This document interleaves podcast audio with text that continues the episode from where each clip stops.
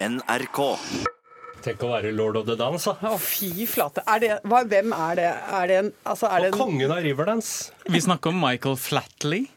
Jeg føler at han er i samme divisjon som Andrea Bocelli. Å, Ja. fy søren! Altså den blinde kongen av opera. Her har vi den skarpsynte kongen av Riverdance. Ja.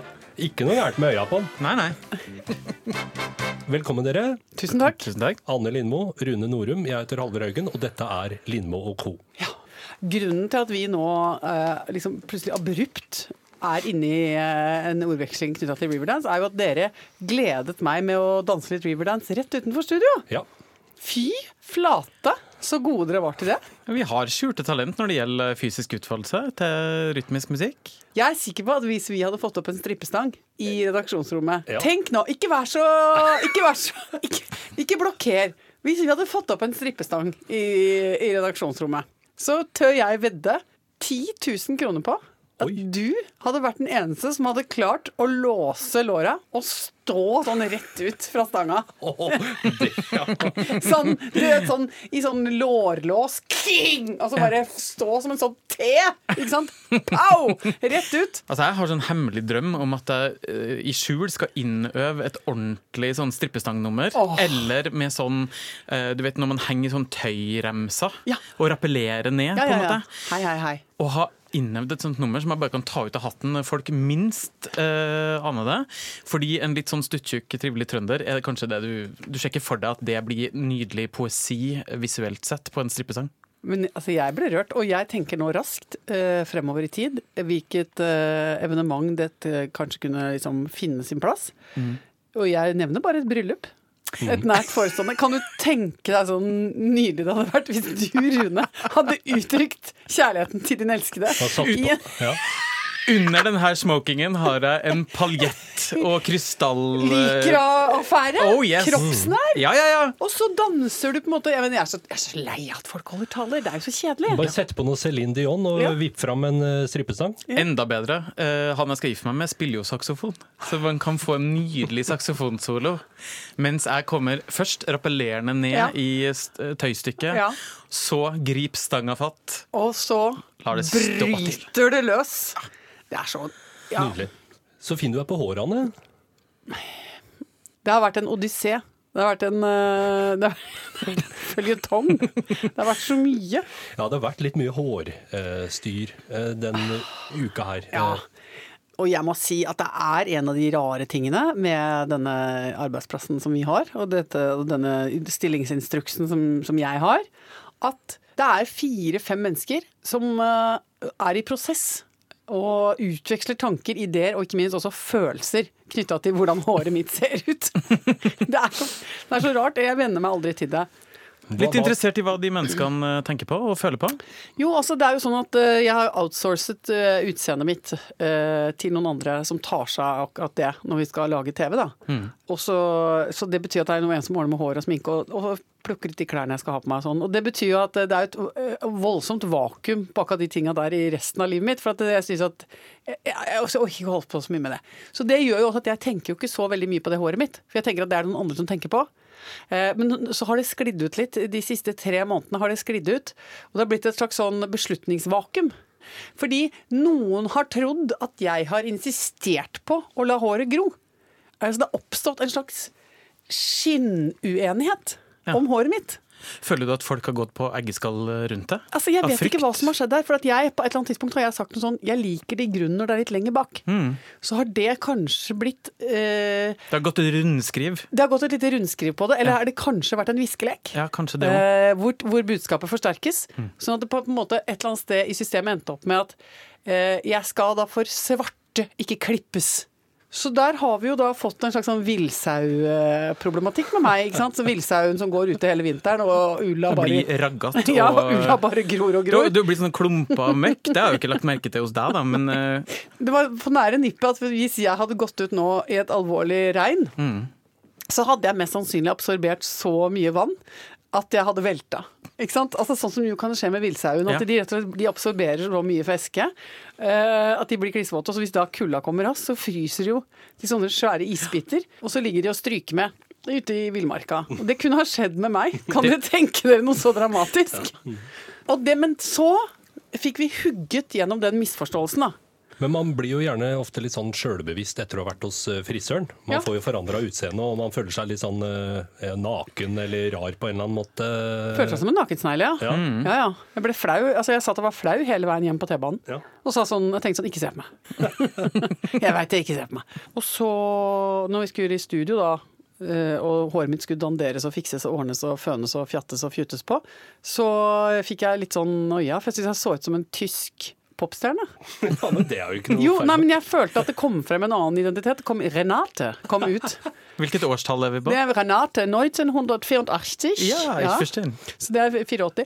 Og jeg så også for meg at uh, der og da så skjønte jeg at uh, debutsingelen til Renate heter 'Ich tanse gern'. Jeg danser gjerne. Jeg danser Ja. gjerne.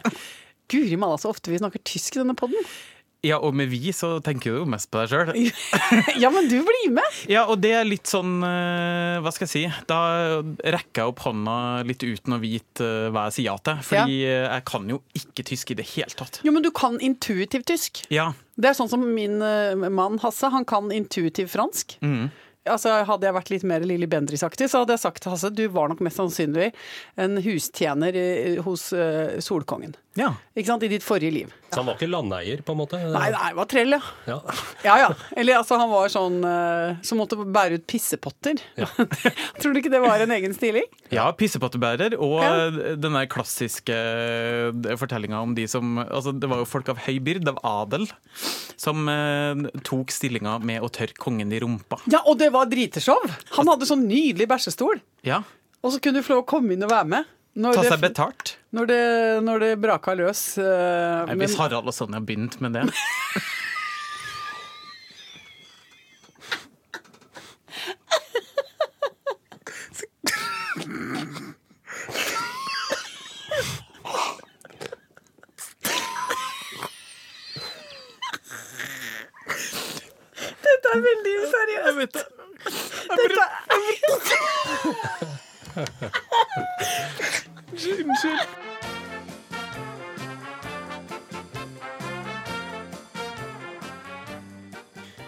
Sveis siden sist, Anne. Mm. Og så er det andre ting eh, du har gjort som du ønsker å dele med forsamlinga her. Altså, jeg har jo vært på et eh, nydelig Romsdalseventyr. Nok en gang. Ja, og jeg var nervøs for det, for det er jo sånn man ofte sier at det, liksom, det er vanskelig å gjenta noe som har vært liksom paradisisk, eventyrlig og storslagent. Og denne gangen så gjorde jeg det eneste riktige. Jeg tok rett og slett toget. Eh, Og det må jeg si er altså en framifrå togreise. Fra Oslo til Dombås. Dombås-Åndalsnes. Det er veldig vakkert. Det er så man får lyst til å hente fram eh, liksom bunad, eh, langleik og eh, rømmegraut. Og bare sette seg og grine og liksom jazze seg opp på norskhet. Det er helt ellevilt vakkert. Og så kom jeg da bort til mm, Åndalsnes på en fredag kveld. Kjenner turpulsen stige. Værmeldinga ser bra ut dagen etterpå. Er det altså da sol eh, fra skyfri himmel, vindstille, og det har snødd hardt i halvannet døgn. Og så skal jeg gå av toget. Så finner jeg ikke bagen min. Hvor hadde du lagt den, da? Jeg hadde jo lagt den i en sånn bagasjehylle. Ja. Og da, da er, dette er jo endestasjonen. Så er jo jeg litt distré noen ganger og har noen ganger litt sånn vimsete hode, så jeg kan tro at jeg har lagt fra meg noe et sted, men så er det et annet sted og sånn. Så jeg springer da frem og tilbake i det lille toget og leter på alle bagasjehyllene etter den bagen min. Finner ikke bagen min. Så panikken slår meg, for jeg tenker sånn herlighet. Kanskje noen har gått av på Bjorli med min bag, med alt det utstyret som jeg faktisk er helt nødt til å ha om veldig få timer, for jeg skal ut på tur med drømmegjeng i drømmevær på Drømmefjell. Så ser jeg at det står igjen en bag som er til forveksling lik min, men som ikke er min. Så tenker jeg nå må jeg bli detektiv Lindmo her, nå må det jobbes opp, ut av angst, inn i eh, fremoverlent beredskap. Det er min drøm å bare få en annen sin koffert, og så Ja. eh, liksom ta del i en annen sitt liv. Hva var det som var i den bagen? Ja, altså, jeg, jeg kom ikke dit, fordi at eh, dessverre og eller heldigvis så var det navnelapp på den bagen. Men åpna du den ikke? Nei, altså da eh, kjenner jeg Nå, nå kjenner jeg at jeg faktisk syns at jeg var litt sånn bra, for da er det opp med telefon, se på det uh, lille visittkortet som ligger i en sånn plastlomme ut, ut på den bagen som står igjen, ringer den, får en mann på tråden og sier hei. Mitt navn er Anne. Jeg står uh, på togstasjonen i Åndalsnes med en bag som tydeligvis tilhører deg, eller noen som kanskje står deg nær. Og så er det fire andre enden som sier sånn Ja, det er kona. og da lo jeg så godt. Jeg tenkte sånn Her har vi med en mann uh, å gjøre som kanskje har litt vimsete kone. Han virket overhodet ikke forbauset. Det her har han opplevd før. Det er kona. Så sier jeg du, så bra. Vet du hvor kona di mest sannsynlig er nå? Er hun på Bjorli, som jeg da håpet at hun ikke var, eller er hun i Åndalsnes? Ah, hun er i Åndalsnes. Ti poeng til deg, sier jeg. Da, da hjelper jo dette, for jeg er også i Åndalsnes. Hun har mest sannsynlig min bag, osv., osv. Det er bare i prinsipp ett hotell i Åndalsnes, og hvis hun skal bo på hotell, så kommer jeg til å møte henne der. Eh, Så bare få gitt en beskjed, og så ber du henne tekste meg, og vi tekster la, la, la, la. Og så eh, gikk jeg da ut av angst og ut av uro og tenkte dette ordner seg. Lave skuldre. Dro opp på dette hotellet og ble gjenforent da med eh, min bag og en litt flau kvinne som sto der eh, og hadde tatt feil da, i farta. Og så skulle hun være på samme sånn fjellfestival som meg gjennom hele helgen. Og så valgte jeg rett og slett å holde det gående absolutt hele helgen med en sånn humor på at hun er kleptoman. Så du spredte rykter om mennesket? så jeg drev og sa sånn til henne sånn Det er jo trist når det skjer så tidlig i livet. Man var ganske ung, da. Men du vet at det er ganske vanlig, og det fins jo ting man kan gjøre. Men du kan legge deg på, på Vangseter f.eks. Har de et kjempebra program for deg. Det er på samme måte som med tvangstanker og en del fobier og sånn, så er jo kleptomani faktisk noe som det går an å bli kvitt ganske enkelt. Du må gjennom en del eksponeringsterapi, men det ordner seg. Og det var så gøy, for hun lo veldig av det, men hun ble også litt, jeg tror hun ble litt sliten av det, for jeg møtte henne liksom i baren og sånn. Så sa jeg sånn Nå legger jeg mobiltelefonen min her, og så må du bare puste med magen og prøve å ikke ta den.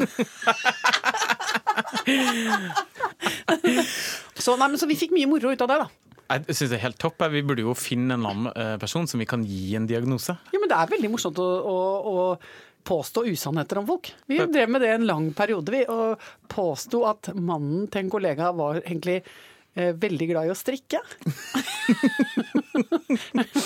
det, jeg vet ikke helt hvor det kom fra. Men vi sa masse sånn hele tiden sånn Nei, nå er Asbjørn på sånn strikkekonferanse igjen.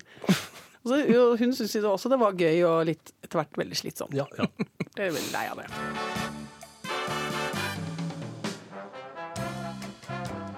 Men dere, ja. bare én ting jeg lurer på. Er det sånn at jeg burde være lei meg for at Luke Perry er død?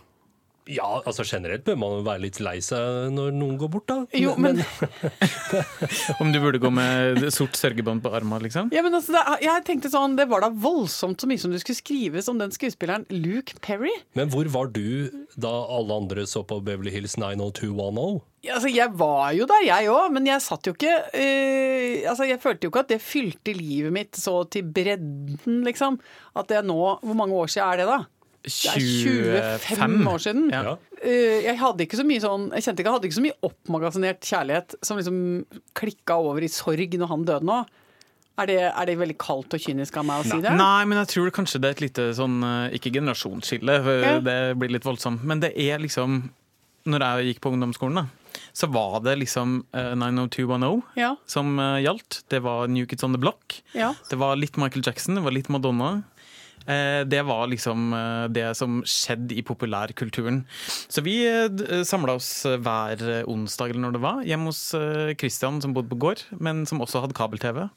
Så da, og da samla nesten eh, altså hele gjengen samla seg, ti-tolv stykker, som satt og så på eh, Beverly Hills 90210 med andakt og glødende øyne. Men hva, hva er det med Luke, da? Ja, men det, det blir jo en figur som blir så sterkt knytta opp til ens egen identitet og oppvekst. ikke sant? Ja. Sånn at du føler at det er en del av barndommen som dør. Han var jo litt den der plaga ungdommen. Han røyka, han var litt tøff. Det her var liksom, vi fikk et lite innblikk i eh, Los Angeles og Beverly Hills, Ja. som var veldig langt unna eh, Trondheim eh, 1992. da. Men identifiserte du deg med Luke Perry? Altså, Var det Nei. din mann? Nei, jeg var ikke sånn veldig oppslukt av den serien. Men eh, jeg gikk rett i kjelleren da Michael Jackson døde. Altså, Jeg kom meg ikke over det på eh, et par uker. Akkurat nå om dagen så er det veldig mye blanda følelser knytta til eh, Michael Jackson. Det skal Jeg jeg vil si at det er kanskje et skoleeksempel på ambivalens, der du er nå. Ja, ja, Men det er veldig vanskelig, fordi eh, jeg så jo den dokumentaren om Michael Jackson her om dagen, og som jo bare er forferdelig og trist og urovekkende på alle mulige måter. Men jeg fikk automatisk lyst til å høre på musikken hans på nytt, for det har jeg ikke gjort på ca. 20 år. Så jeg må med skam å melde eh, si at jeg gikk inn på Spotify etterpå og hørte på platene Bad og Dangerous. Nei, gjorde Og- du det? Ja, ja. Men eh, Mannen og kunsten og mannen det er to forskjellige ting. Ja, jeg har det på en annen måte. Jeg har hørt på Michael Jackson uh, ukentlig i over 30 år. Eh, og har et eget sånt Michael Jackson, nesten litt sånn alteraktig hjemme. altså, Det ligger en sånn picture-disk eh, av thriller på platespilleren eh, som ligger der, eh, både fordi jeg hører på den ofte og fordi den er dekorativ. Og over der så er det altså et eh, stort bilde, rett og slett, av Michael Jackson fra glansdagene. Tenner du små lys og legger små fruktbiter i små skåler også, eller? Jeg ber ikke til den. Nei, det, Nei, det gjør bare, jeg ikke. jeg bare sjekka. Jeg bare sjekka, Ja, bare ja. sjekka ja. Men det lurer jeg rett og slett på om jeg liksom nå må bare ta ned og bytte ut med noe Luke Perry? Hvile litt. Ja, kanskje jeg må bytte ut med Luke Perry, rett og slett. Et lite Perry-alter. Nei, det er vanskelig det der, altså. Må jeg ta Michael Jackson ut av livet mitt fordi han kanskje eh, har vært fæl mot unger? Nei, men det er kanskje forskjell på å eh, ta han helt ut av livet ditt og bare ta ned en alterlignende installasjon du har Ja. i hjemmet. Jeg er støtter Norum her lite grann. Ja. Ja. Nei, men Greit, jeg skal tenke på det. Dette er jo selvfølgelig et mørkt tema for en eh, lettbeint podkast som eh, vår, men det må jo være lov, det òg. Vi reflekterer jo livet på alle mulige måter. Og Anne, du har jo etterspurt at vi kanskje strekte oss etter å bli litt mer samfunnskritisk og aktuell. Og Nei, det syns jeg bare var slitsomt. Det prøvde vi én uke. Det gikk dårlig. Det syns jeg var vanskelig.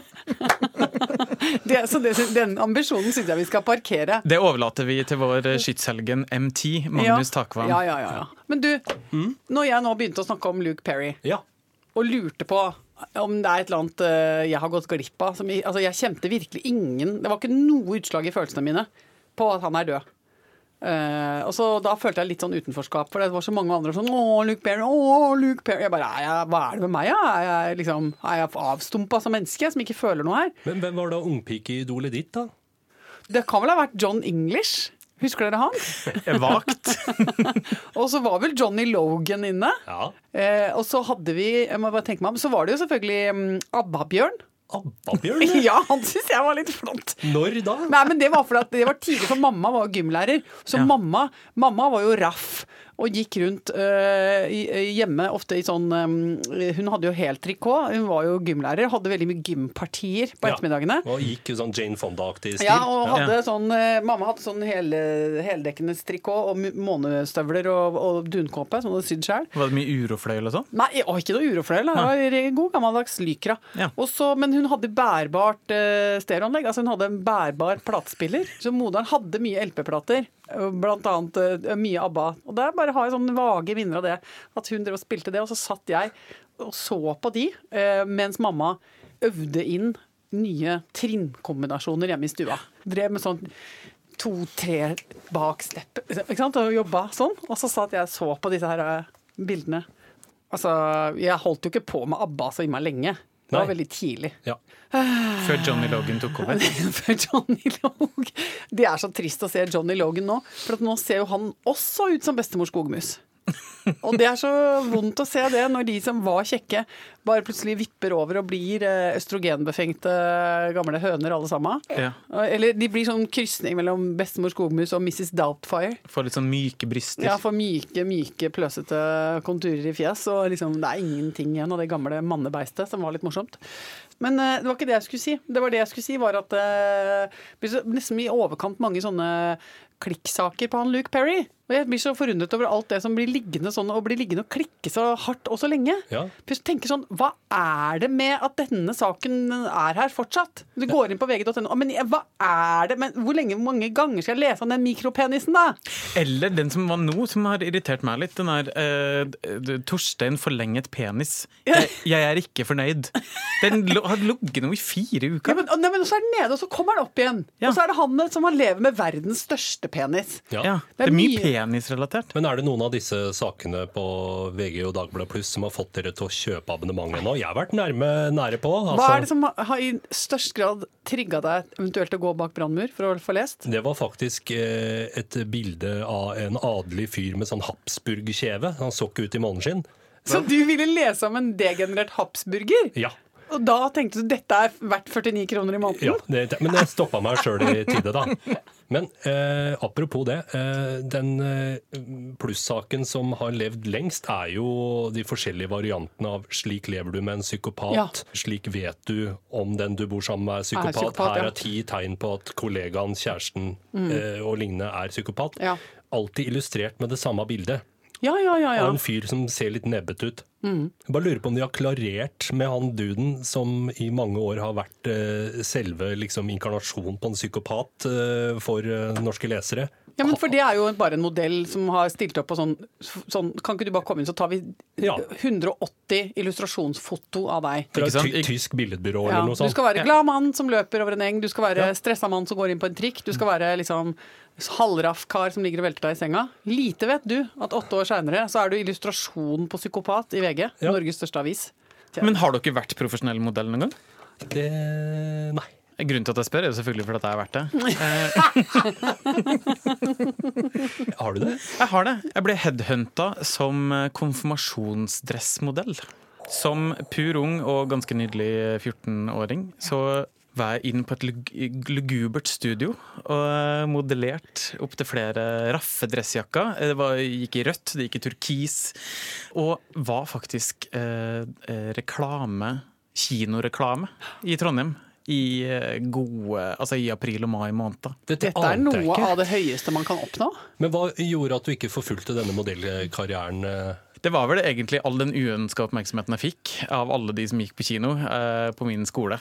Eh, så det ble rett og slett litt mye. Det gikk litt i hodet på meg der en periode. Den type berømmelse kan jo som kjent eh, korrumpere et barnesinn. Så du kunne faktisk ha levd på utseendet ditt eh, den dag i dag, hvis du bare hadde valgt en litt annen sti i livet? Da tror jeg kanskje jeg måtte ha tatt noen grep. Jobba litt eh, Kanskje trent litt mer. Kanskje skif, fått sånn skallfasetter på tennene. Jeg vet ikke. Jeg tror, kanskje, jeg tror ikke det har vært så sunt for min mentale helse hvis jeg ble altfor godt assosiert med min egen skjønnhet fra 15-årsalderen.